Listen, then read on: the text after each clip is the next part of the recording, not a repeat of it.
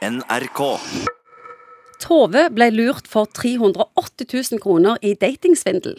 Jeg ble veldig forelska, sier Tove. Hvordan kunne jeg være så dum? Det sier Anders, som ble lurt for 700 000 kroner. I Nord-Norge ble ei dame i 50-årene svindla for 1,5 million. Hun er så flau at hun ikke orker å stå fram. Mange blir svindla etter å ha blitt forelska på nett. Mange flere enn vi tror, fordi folk blir så flaue at de ikke orker fortelle det til noen. Og så sitter de der som gjeldsslaver med knust hjerte, psykolog Egon Hagen.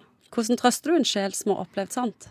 Ja, Det er ikke lett å trøste, fordi det er noe med at de fleste har en sterk opplevelse av at dette var kanskje ikke noe av det smarteste de har gjort, og at de burde ha sett dette komme.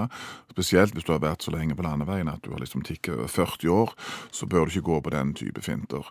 Så det er sikkert en ganske sur pille, både sånn rent psykologisk, men òg selvfølgelig økonomisk for mange av disse som opplever dette. Folk som har levd så lenge, hvordan kan de være så naive? Det er jo noe med at det er disse uh, store tyngdelovene i livet om at uh, synger jo Cassandra Wilson uh, 'Love is blindness'. og Noen ganger så er det jo sånn at sikringsboksen kobler ut hvis du på en måte får disse sterke følelsene av forelskelse. Og, og at noen elsker deg tilbake. Ja, ja, og kan bekrefte deg helt ubetinget, fordi at den andre har ingen forventninger om, om å få noe tilbake igjen sjøl.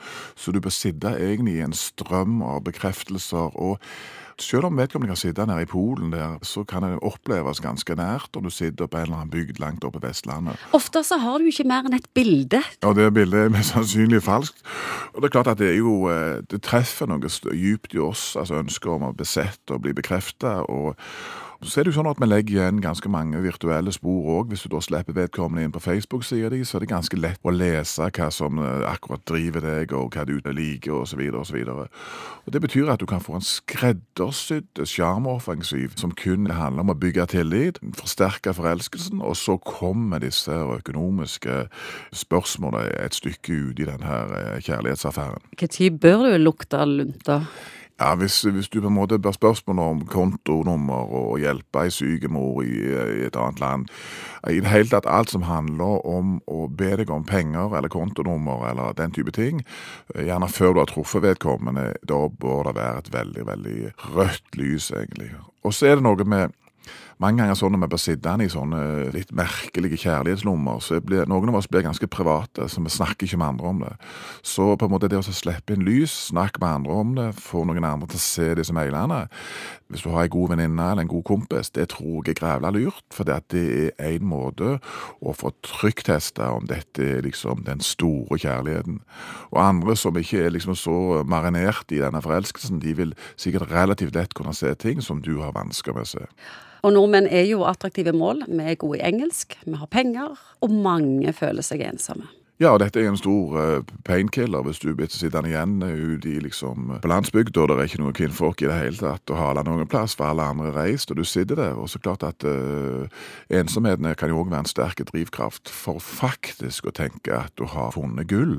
Du har vært en av de heldige. Og så på en måte forsvinner den alminnelige realitetstestinga som du ellers hadde hatt, fordi at ønsket om at dette skal være virkelig, og at dette er prinsesser som uh, tilfeldigvis har uh, kommet din vei. Og det kan være ei dame som har vært way out of your league, altså mye vakrere enn en du har tenkt, og så tenker du at liksom Jesus, er dette faktisk mulig, og så kobler du helt fritt opp i hodet, og så sender du av gårde for å tenke at dette kan styrke eller konsolidere den relasjonen som du har til henne. Hva sier psykologen til ei som har mista kjærligheten og 1,5 million. Ja, Det er ikke mye, det er sikkert en sånn grunnleggende kjip opplevelse at det er ikke mye psykologi som kan ta vekk det. Jeg tror det viktigste er at hvis noen hører på dette og er i en sånn en prosess, før de har sendt av gårde denne halvannen millionen, på med håndbrekket, altså snakk med en kompis, få noen andre til å, til å se på dette. Ikke gjør det. Ikke send penger til folk i utlandet.